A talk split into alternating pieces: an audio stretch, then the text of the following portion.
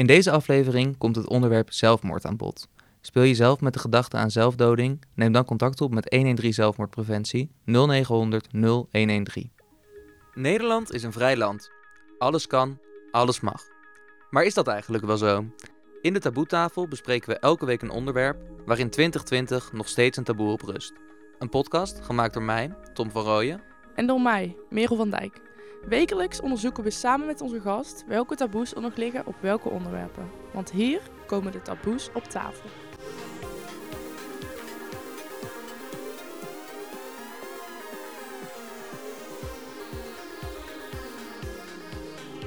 Als je mensen vraagt wat er zich nu afspeelt in ons land, krijg je uiteenlopende antwoorden. De maatschappij verandert en de taboes veranderen net zo makkelijk mee.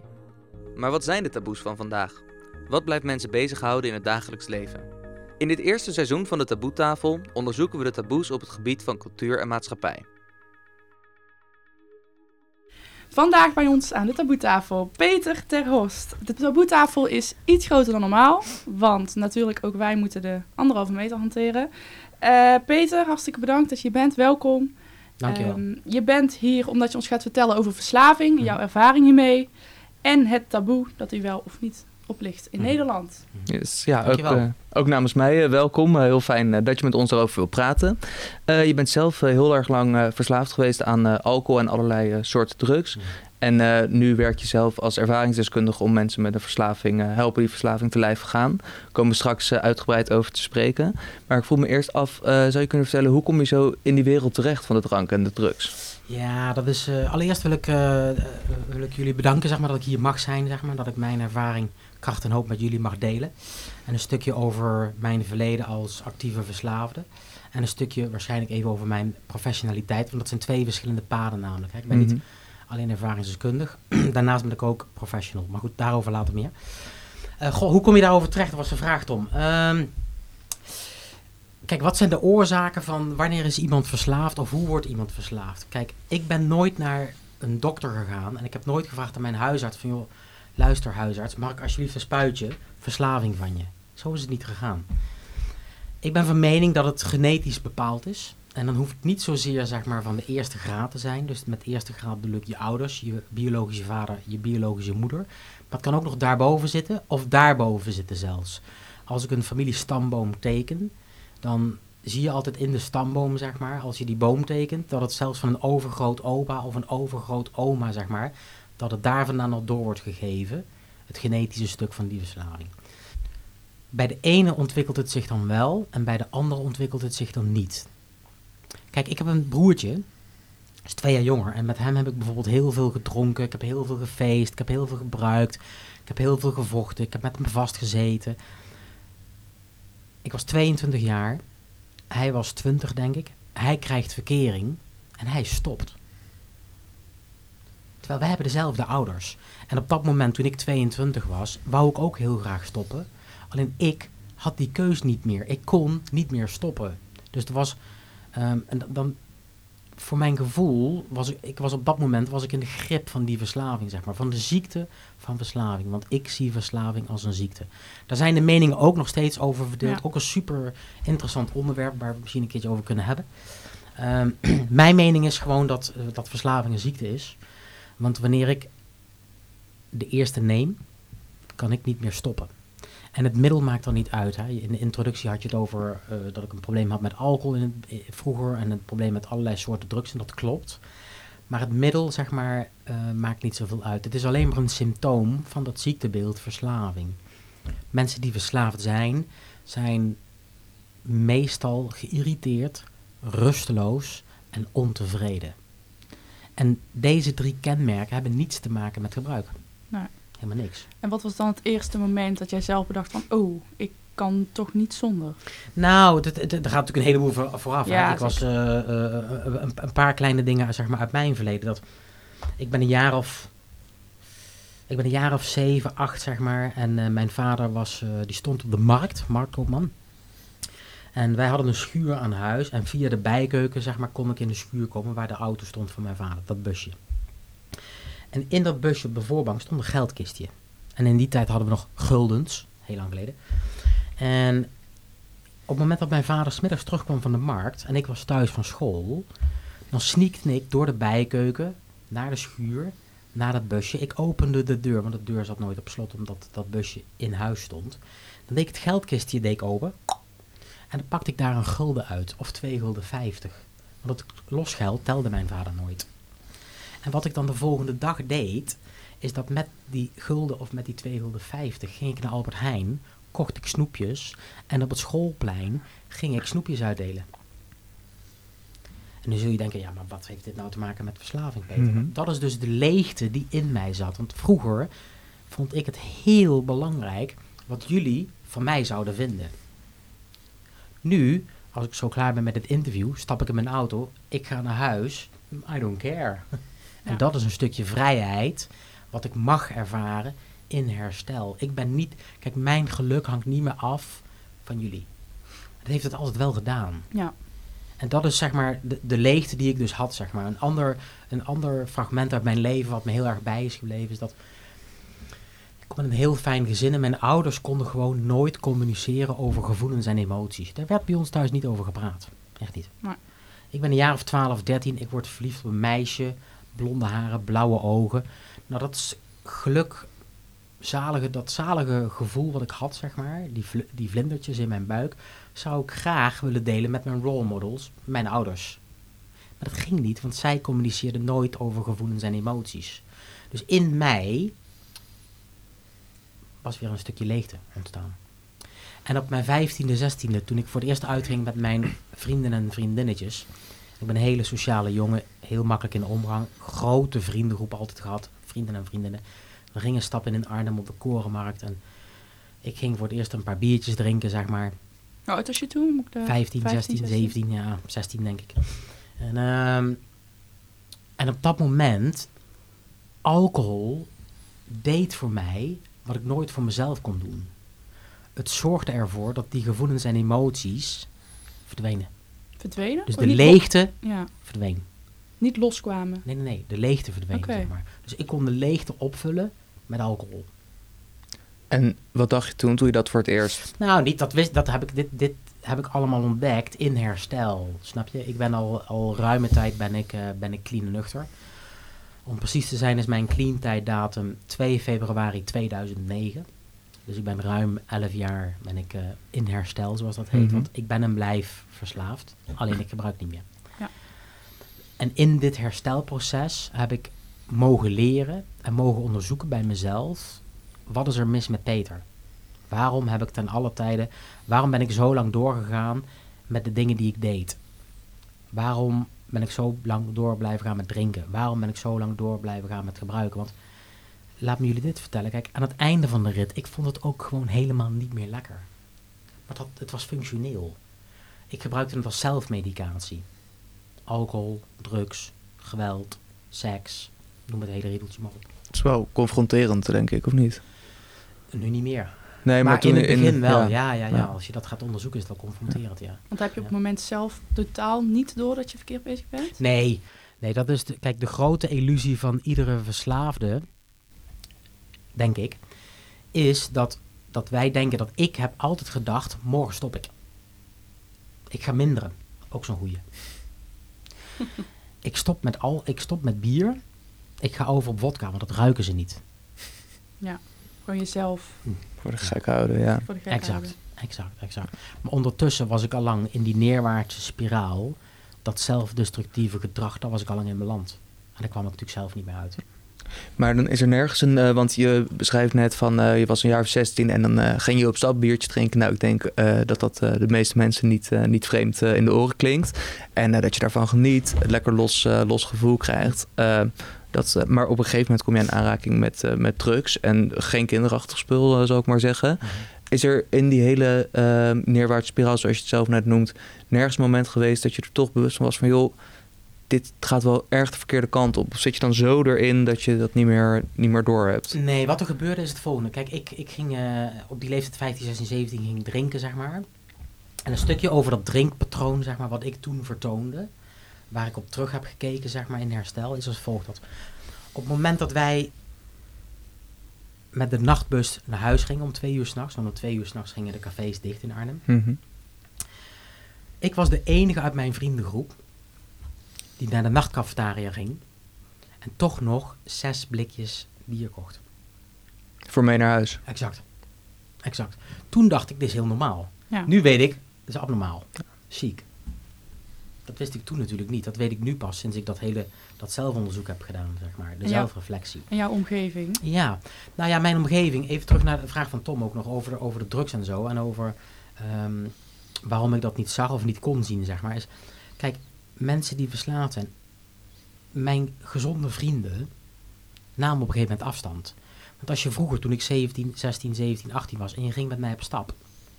Dan op een gegeven moment eh, zaten we in een bar en ik had een paar biertjes op. Dan deed ik de kleren uit en dan ging ik in een boxershort. Dan ging ik aan de lamp. En dat is hartstikke leuk. Je vrienden vinden dat leuk. Maar als je dat iedere week doet. Kijk, je vrienden waarschuwen je één keer. Die zeggen, nou Peter, kan ook wel een beetje minder, jongen. En dan die week erop deed ik het weer. En dan zeiden ze, nou Peter, doe dat alsjeblieft niet meer, weet je wel. Ik schaam me dood. Ik hoor bij jou, hè. we zijn met z'n allen. Doe dat niet meer. En wat er gebeurt op een gegeven moment is een, een natuurlijk proces. Is dat gezonde mensen nemen afstand. Dus mijn gezonde vrienden die ik destijds had, namen afstand. Maar wat blijft er dan over? Vergelijkbare Exact. gevallen. Exact. Andere mensen die net als ik ook drank en drugs gebruiken. Ja. En als je daar eenmaal in bent beland in die wereld, dan normaal. zie je de realiteit niet meer. Nee. Exact, dat is het nieuwe normaal. Dus ik wist het niet. En eh, jouw familie, die zag jou neem ik aan wel... eh, Ja, mijn familie, kijk, mijn vader was ook een stevige drinker. Kijk, hij, hij leeft niet meer helaas, maar ehm, of hij alcoholist was of niet, ik, ik denk dat hij er wel tegenaan zat. Absoluut. want over, over wat voor hoeveelheden hebben we het dan? Ja, dat, kijk, als je iedere dag drinkt. Dus mijn vader die, die, die stond op de markt, hè, dat vertelde ik in het begin. En dan kwam hij smiddags thuis rond een uurtje of twee, half drie zeg maar. En om vier uur, ik noem even iets, en nam hij zijn eerste pilsje. Hè, dan, dronk hij de twee zeg maar voor het eten. En na het eten, wat ik me kan herinneren ook nog, dronk hij nog twee of drie. En dat deed hij zeg maar in ieder geval vijf dagen per week. En dan in het weekend werd er gewoon meer gedronken. Dan was er de derde helft op de voetbalvereniging. eh, dus hij ging vaak naar Vitesse met zijn vrienden, zeg maar. Dan bleef hij daar ook hangen. Of nou, dan ging hij naar de kroeg daarvoor en daarna naar de wedstrijd. Nou ja.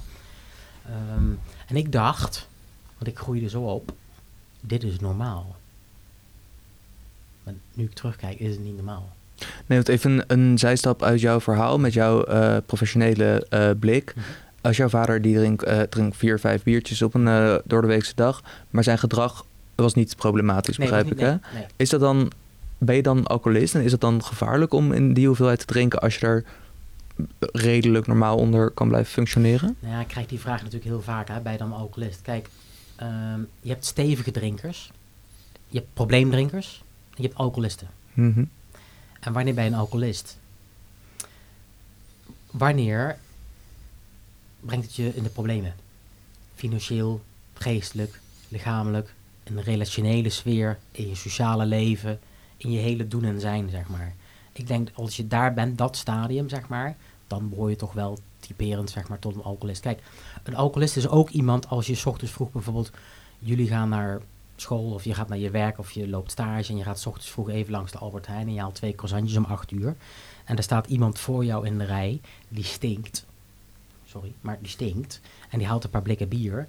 Dan heb je goed kans dat hij tot de doelgroep behoort, categorie alcoholisten. Want wat doe je in de supermarkt, 's ochtends vroeg om 8 uur, met een paar halve liters?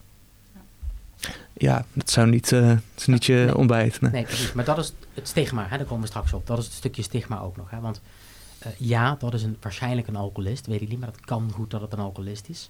Maar een alcoholist kan ook zijn dat als jij bijvoorbeeld naar het ziekenhuis gaat voor een operatie, voor je, voor je eh, arm of Mhm. in de darm of wat dan ook, dat die chirurg die jou opereert ook een alcoholist is.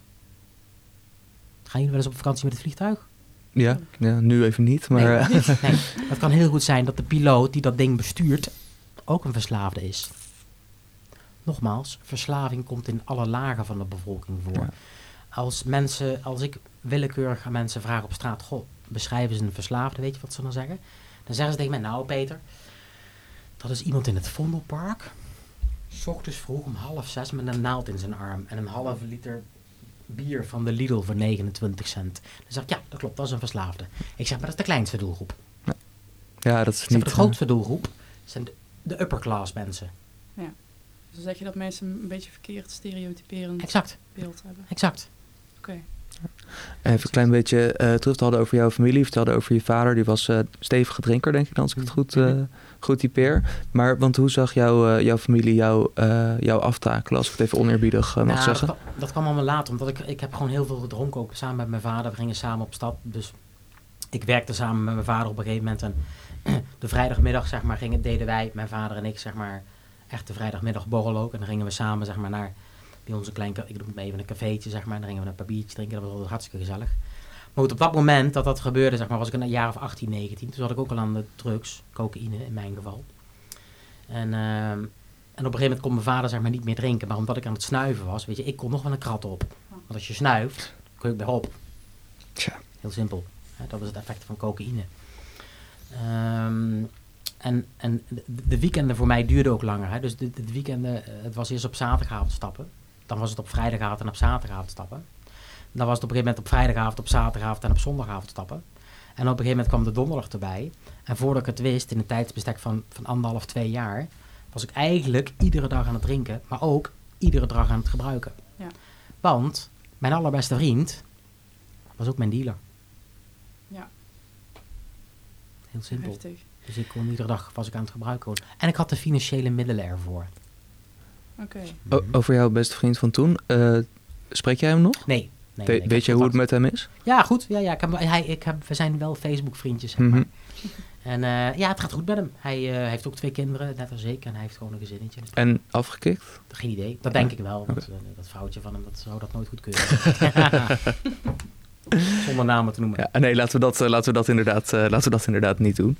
Ehm, eh, we lazen een interview met jou wat je had gegeven aan Vice. En daarin schrijf je ook over jouw toenmalige partner, waarmee je op een gegeven moment ook kinderen krijgt. Mhm. En je schrijft daar, eh, ik heb het even niet het letterlijke citaat, maar normaal mens zou dan stoppen, ik ging door. Ehm betekent dat de eerste jaren van het, van het leven van jouw kinderen, dat zij een verslaafde vader hadden. Mhm. Hebben zij daar wat van gemerkt, Ja. denk je? Zeker. En daar hebben ze het nu nog over. Mijn kinderen zijn een stukje ouder al inmiddels. Ehm, mijn oudste zoon is 18. En die komt mij thuis ophalen met zijn auto tegenwoordig. Dus zo werkt dat. En, eh, en mijn jongste zoon is 17, wordt 17 volgende maand. Ehm, ja, zij weten wel wat er gebeurde. Ze met name de oudste, zeg maar, en de jongste. En ik denk ook wel dat ze daardoor eh, min of meer beschadigd zijn. Hè? Want het, ja, dat was, het huwelijk was gewoon heel slecht. Eh er was niet echt een huwelijk trouwens. Maar, maar wat er gebeurde is op het moment dat die kinderen geboren werden... Wat ik bedoel in dat verhaal is dat mijn kinderen worden geboren, maar ik kon helemaal geen papa zijn. Ik kon dat niet. Echt niet. En omdat ik niet met gevoelens en emoties kon omgaan, dat heb ik niet geleerd. En drank en drugs waren altijd voor mij de oplossing. Kijk, drank en drugs zijn nooit voor mij een probleem geweest. Drank en drugs zijn altijd voor mij een oplossing geweest voor een probleem. En het probleem was dat ik kon gewoon niet dealen met het leven. De verantwoordelijkheid om getrouwd te zijn, de verantwoordelijkheid om een zaak te runnen, de verantwoordelijkheid om, om vader te zijn, de verantwoordelijkheid om voor de tweede keer vader te worden. Joh, dat kon ik allemaal niet, joh. Dat kon ik helemaal niet aan. En ging je daardoor Echt juist niet. meer Ja, gebruiken? exact, exact, Ja. exact. Want dat is wat verslaving met je doet. Het is een progressieve ziekte. Dat houdt in dat het wordt van kwaad alleen maar erger. Het wordt nooit minder. Dat bestaat niet. En als we het dan eigenlijk een beetje gaan hebben over de taboetafel zelf. Ja. Eh, heel simpel, ligt er volgens jou een taboe op verslaving in Nederland? Ehm goeie vraag, vind ik leuk. Ja en nee, denk ik. Kijk, ja, omdat het, omdat het eh, hè, mensen denken, die, wat er heel vaak gebeurt is dit. En ik probeer een schets te maken, zeg maar, ook voor de luisteraars van deze podcast, want dat is belangrijk namelijk. Stel je voor, een villa-wijk, een grote villa, twee mooie auto's op de oprit. eh, man, een vrouw, twee kindjes. Man heeft een prachtige, succesvolle baan. De vrouw heeft een succesvolle baan. De kinderen hebben altijd mooie kleding aan. Hebben altijd de nieuwste Nike's. Maar de vader zit zwaar aan de cocaïne en mishandelt zijn vrouw. Achter gesloten deuren. In de villa-wijk. Dan zit er dus in de huiskamer van dit gezin een hele grote roze olifant. Midden in die huiskamer. En er is niemand die daarover praat. En dat is het stukje, zeg maar, het taboe, weet je wel. Dat is gewoon, mensen zijn er toch angstig, mensen zijn toch bang om daar iets over te delen, zeg maar. Terwijl, als we nou eens gewoon met z'n allen verslaving gaan zien als een ziekte, want dat is het, Mhm. dan doorbreken we ook dat taboe. En godzijdank hebben we tegenwoordig heel veel eh, tv-zenders die programma's maken over verslaving. Hè? En dat doorbreekt hopelijk de taboe. We hebben een hoop bekende Nederlanders, waarvan, die kun je zelf allemaal wel googlen, zeg maar. Ehm, Gordon kan ik wel noemen trouwens, want- want die staat overal met zijn kop op, de- op de krant, eh, voorpagina Telegraaf en weet ik veel. En die praat ook zelf honderd uit zeg maar, ja. over zijn verslaving en dat hij nu niet meer gebruikt en dat zijn leven vandaag is geweldig omdat hij geen drugs meer gebruikt en niet meer drinkt en hij kan de hele wereld aan. Weet je, ik, ik juich dat alleen maar toe, want deze mensen, de bekende Nederlanders, hebben wel een voorbeeldfunctie. En zij zijn onderdeel van ons leger om het taboe te doorbreken. Ja. Absoluut. Oké. En- Oh, sorry. Ja, het valt me op dat je een aantal keer hebt genoemd van laten we eh, verslaving als ziekte gaan zien, want dat Mhm. is het. Mhm. Hoe, eh, wat is jouw beeld van hoe kijken mensen nu tegen een verslaving aan? Keuze.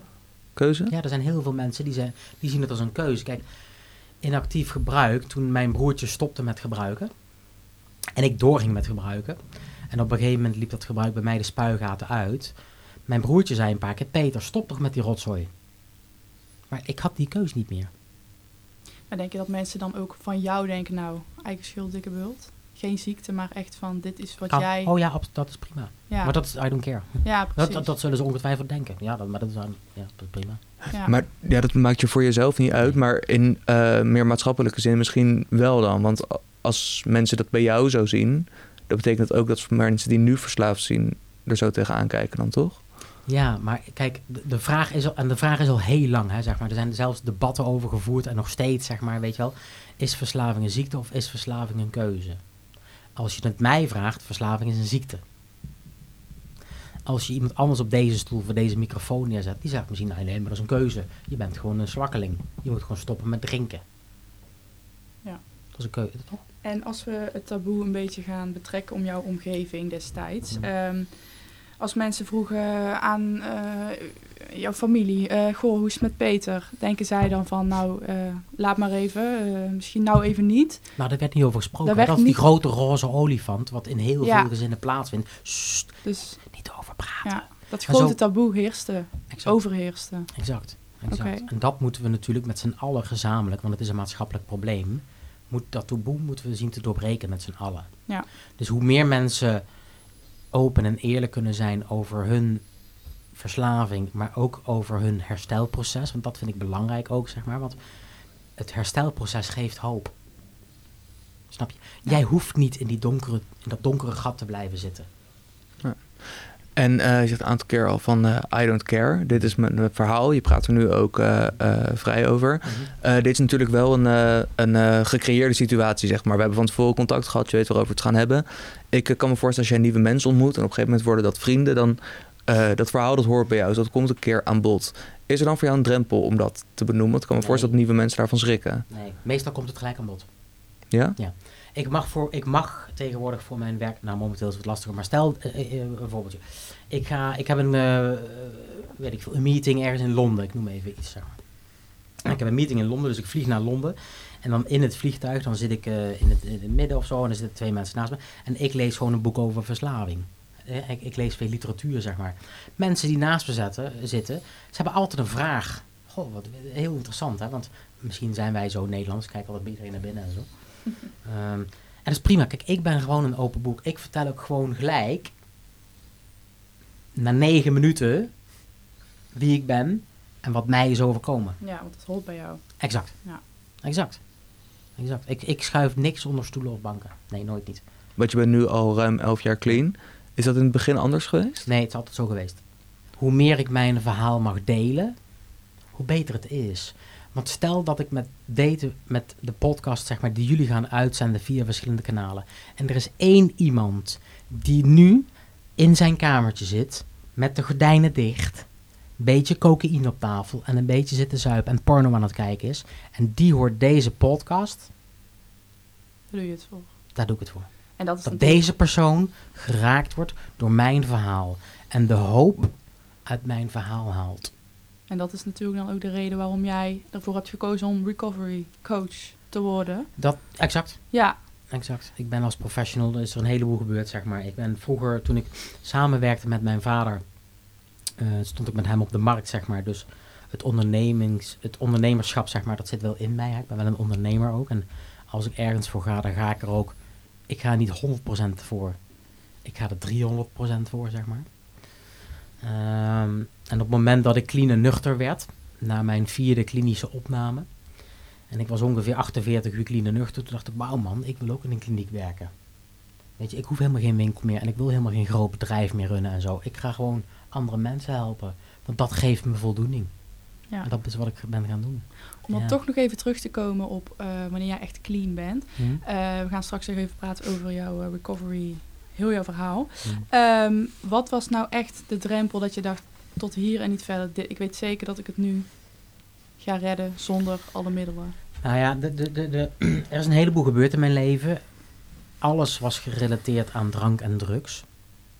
En het, het, de meest zwarte bladzijde uit mijn gebruik is geweest. Ik was alles kwijt. Het huwelijk was gestrand. Mijn kinderen zag ik niet meer. Mijn huis was verkocht. Mijn auto's waren afgepakt. Mijn zaken waren dicht. Ik had helemaal niks meer. Dus ik ben een beetje succesvol geweest in mijn vorige leven. Voor de buitenkant. Vorige leven. Ja. Mhm. En ik ben het type verslaafde dat daadwerkelijk als dakloze is geëindigd op een bankje in een park december 2008. Ja. Gezocht door de politie. Ik had bijna 64.000 euro schuld. 16 schuldeisers. En ik was dakloos. En ik woonde, leefde, sliep op een bankje in een park in december 2008. Maar bij ons verslaafden, bij mij als verslaafde, werkt het zo dat ik. Wij zijn misschien wel de enige soort mensen, zeg maar, die dan. Dus als ik deze situatie omschrijf, dan kon ik alsnog op de wereld neerkijken. Op de wereld meer kijken. Dacht ik, oh, nou, het valt wel mee. Oké. Een bankje, park. Dat is heel Ja, dat is- krom. dat is- maar dat is typerend iets voor een verslaafde, weet je wel. Eh, mensen die dit horen, die ook in herstel zijn, zullen zeggen, ja, dat klopt. Ik herken wel wat je zegt, Peter. Ja. Weet je, dat, zo werkt het gewoon. En, ehm, kerstavond 2008, mijn moeder had geregeld dat ik mijn kinderen na lange tijd weer mocht zien. Tijdens het kerstdiner dat mijn moeder had geregeld. En ik ben ochtends vroeg uiteraard begonnen met drinken. En ik was natuurlijk heel zenuwachtig, omdat ik kan niet met gevoelens en emoties omgaan. Dus Ja. ik weet niet hoe ik met de situatie van vanavond, als ik mijn kinderen aan het kerstdiner zie, ik weet gewoon niet hoe ik daarmee om moet gaan. Ik weet het niet. Drank en drugs zijn mijn oplossing. Mhm. Ik begin te drinken. Ik begin te gebruiken. En ik heb helemaal niet meer aan mijn kinderen gedacht. Mijn kinderen zitten nu nog, bijna twaalf jaar later, aan tafel bij mijn moeder te wachten op hun vader voor het kerstdiner. Ik heb nooit afgebeld. Daar had ik de ballen gewoon niet voor. Niet veel later ben je toch eh, Mhm. opgenomen en afgekikt. Die kerstavond is dat de drempel geweest toen? Absoluut, absoluut. Ik heb vanaf dat moment, zeg maar, ik wist natuurlijk wat ik verpest had. Hè? Want dat, je, je komt ook weer uit die roest van het gebruik. En dan is het de volgende dag en het is de eerste kerstdag. En dan denk je, oh man, wat heb ik... Oh, ik heb mijn kinderen niet gezien. En, en de oplossing is gebruiken en drinken. En ik heb gebruikt en ik heb gedronken, ik heb gedronken, heb gebruikt. En op een gegeven moment was het 1 januari. En toen was ik in een flat, flatgebouw. En eh, ik zat daar in een gebruikershuis met eh, eh, die week, zeg maar, de, een week van kerst en oud en nieuw. En ik zat in een gebruikershuis en ik herinner me nog dat ik zat daar met vier volwassen, ik en nog drie andere volwassen mannen van mijn leeftijd, rond de 30 destijds. En wij hadden met z'n vieren nog geen 6 euro bij elkaar voor één grammetje speed. Zo triest was mijn leven. En ik raakte in een soort van lichte comatueuze toestand, werd ik gevonden op een gegeven moment op de galerij van die flat. Buiten, de galerij, daar lag ik in een t-shirt. 1 januari, koud. En omdat die jongens ook gebruikt hadden, die durfden geen hulpdiensten te waarschuwen. Dus wat, ze hebben mij opgetakeld, op een bed gelegd, handdoeken nat gemaakt en een soort van de wacht gehouden bij mij of ik weer wakker werd. Heftig. En het enige wat ik me herinner, het enige wat ik herinner, is ik word wakker en ik kom overeind. En een van mijn gebruikersvriendjes destijds zit naast mij op een stoel te waken over mij. En ik kijk hem aan. En het eerste wat ik zei, of vroeg, was... Hé, hey, Hebben we nog iets? Ja. Dit is maar om aan te geven hoe ziek ik ben. Ja. Ik ben echt heel ziek. Tja. Nou, dat is, was de, de, bottleneck, weet je. En ehm, toen heb ik half januari ongeveer de, de moed bijeengeraapt, de ballen gehad, zeg maar, om toch bij mijn moedertje aan te bellen. Ik zei, mam, mag ik alsjeblieft één nachtje thuis slapen? Één nachtje. Andere kleren aan, mijn baard scheren, even douchen, eten, verzoenlijk eten een keer. Weet je, ik stonk natuurlijk, maar ja, je kunt het wel een beetje in, in, inbeelden. En mijn moeder, kom er maar in, als je maar geen drugs gebruikt. Ik zei, nee, maar, maar dat doe ik niet. En dat deed ik natuurlijk wel. Toen, eh, die nacht heb ik ehm, in mijn ouderlijke huis, in mijn ouderlijke slaapkamer, zeg maar, toen, ik, ik, ik kon niet meer, weet je. Ik was al zo lang wakker, zo lang aan de, ik was alles, mijn hele leven ging als een flits aan me voorbij op een gegeven moment. En, en ik besloot om, om mezelf aan te kleden en een eind te maken aan mijn leven. En eh, dat was half januari 2009 is dat geweest. Ik me aangekleed, ik ben naar beneden gelopen. En in de keuken van mijn moeder, zeg maar, daar, daar gebeurde iets in die keuken van mijn moeder. Ik had al drie keer eerder, had ik al hulp gezocht, had ik al in de kliniek gezeten. En de ene laatste keer dat ik in de kliniek zat, dat was bij eh, een, een 12 stappen kliniek, zeg maar, in, eh, in, in Nederland, in Amsterdam, een privékliniek. En ik had op dat moment dat ik daar stond, aangekleed en wel, rond een uur of twee, half drie s'nachts. En ik had een soort van de beslissing genomen om voor de trein te springen. Want het spoor was 150 meter bij mijn ouderlijk huis vandaan. En op dat moment dat ik the gift of desperation had, had ik ook een moment of clarity. Iets van buitenaf zei tegen mij: Peter, misschien moet je nog één keer hulp gaan zoeken. En dat gebeurde echt in een split second. Gebeurde deze twee emoties, deze twee gedachten. Dit gebeurde allemaal in een 100 miljoenste splitseconde ongeveer. En, en toen bedacht ik me in één keer: oh ja, mijn moeder heeft een oud Nokia-telefoontje in de la liggen. En daar staat het nummer in van de directeur van die kliniek. En ik die la open gedaan. En dat telefoontje lag erin. Ik heb dat telefoontje opgeladen, heel even 10 minuten, want dat was, de batterij was leeg. Ik heb dat nummer eruit gehaald. En met mijn eigen prepaid telefoontje heb ik een sms gestuurd, s'nachts om half drie. Met één woordje erin. Help. En ik had geluk. Want de directeur van de betreffende kliniek had hetzelfde nummer nog. Dit was namelijk 2,5 jaar later. Ik had 2,5 jaar geleden daar in de kliniek gezeten. Hij had hetzelfde nummer nog. En hij hoorde mijn sms'je binnenkomen, s'nachts om half drie. Waarop hij besloot om mij terug te bellen. Wat was er gebeurd als hij jouw sms niet had Had niet gehoord? gezeten. Nee? Nee, dat was voor de treinsprong. Dat was mijn plan. Ik ben nog een beetje, een beetje stil. Ja, het is eh Bizar. Ja. indrukwekkend verhaal. En ehm wat ik me toch afvraag, het gebeurt in een split second. Ja. Eh, verslaving is een ziekte, zeg je geen keuze. Nee. Is genezen een keuze? Genezen. Ja. Genezen bestaat niet, hè? herstellen. Herstellen, is dat Kijk, een keuze? Ik, ik vergelijk verslaving als ik een lezing geef of whatever. of ik moet het mensen uitleggen Jip en Janneke taal. Dan heb ik het vaak over suikerziekte. Ik heb dezelfde ziekte als iemand die suikerziekte heeft. Die wordt nooit beter. Die moet ten alle tijden insuline spuiten. Als hij dat niet doet, wat gebeurt er dan? Ja, dan sterft hij waarschijnlijk. Ja. Ja. Ik ook. Ik moet altijd dag in dag uit aan mijn herstel werken. Dus de vergelijking, verslaving, suikerziekte. Makkelijker kan ik het niet maken. Nee. Mooi. En als je nou, misschien heel lastig, maar echt één les, eh, les die je hebt geleerd in jouw hele proces van verslaafd zijn en afkicken. Kan je dan iets noemen? Eén, één les die ik heb geleerd. één les. Dus om, de, om die switch te maken Ja. zeg maar, van het actieve stuk naar het stuk herstel. ja, Overgave. jezelf. Overgave is de les. Kijk, heel vaak op wilskracht heb ik willen stoppen met mijn gebruik. Ik had de meest flamboyante ideeën. Morgen stop ik, ik ga minder. Ik ga alleen nog maar op vrijdag gebruiken. Ik drink geen bier meer, ik ga nu over op vodka. Nou, duizend en één excuses. Luister, ik heb ze echt allemaal gehad. Allemaal. Niets werkte. Dus wilskracht is een hele grote valkuil voor mij. Wat wel werkt is overgave. Op het moment dat ik me overgaf en een sms'je stuurde, half januari, s'nachts om half drie, met één woordje. Help. Dat was mijn overgave. En hoe kan je bij die overgave uh, terechtkomen? Wat adviseer je mensen nu? Want je zegt zelf net, um, dat gebeurde in een split second. Hè? Ik stond op het punt voor de trein te springen. Toen kwam er een helder moment en ik sms'te om help. Um, dat was jouw overgave. Hoe, hoe kan, kan, je, kan je overgave forceren? Uh, ja, valt te forceren, ja. ja. Kijk, mensen moeten op een gegeven moment hun rock bottom moment... Hè, dat wordt vaker gebruikt in, in, in onze tak van sport... Uh, ze moeten een rock bottom moment ervaren. Kijk, als je alles nog hebt, kun je heel lang doorgaan.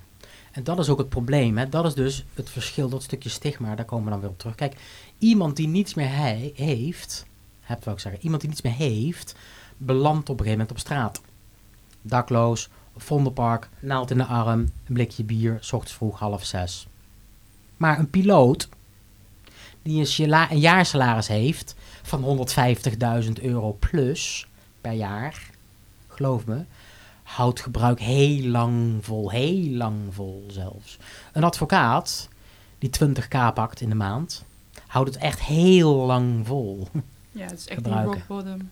Ja. ja, dus. dus hoe eerder iemand zijn of haar rock bottom ervaart, des te beter. En ja, dat kun je ook forceren. Dat is zeg maar wat wij doen, of wat ik doe als professional. Dat is um, op een goede, uh, op een verantwoordelijke, professionele wijze een goed voorbereide interventie uitvoeren. Zoals jullie kennen bij het tv-programma Verslaafd, dat is een interventie. Dat is een van mijn professionele titels, zeg maar, wat ik uh, doe. Voor living vandaag, ja. ja. ja. Ik denk dat we nog uh, uren met je kunnen praten, Peter. dat gaan we helaas vandaag niet, uh, niet doen. Ik voel me wel tot slot uh, nog af. ons podcast heet natuurlijk de Taboetafel. Ja. We hebben het net over taboe gehad.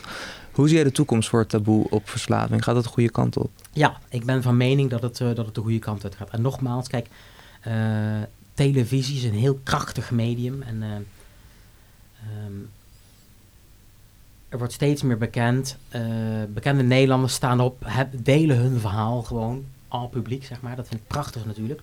Uh, ik juich dat enorm toe. Programma's zoals Verslaafd, daar moeten we meer programma's van hebben. Des te eerder wordt dat taboe erop doorbroken. Dat is echt super belangrijk gewoon, weet je wel. Nogmaals, verslaving is een dodelijke ziekte. Ja. Een progressieve, dodelijke ziekte. Daar moet het taboe van af. Nou, ik uh, denk en ik hoop dat jouw verhaal hier uh, zeker aan, uh, aan bij kan dragen. Ik wil je heel erg bedanken voor je tijd en voor je, voor je mooie, eerlijke en open verhaal. En ik wil ook de luisteraars graag bedanken voor het luisteren en tot volgende week. Want dan ligt er weer een nieuw taboe op tafel.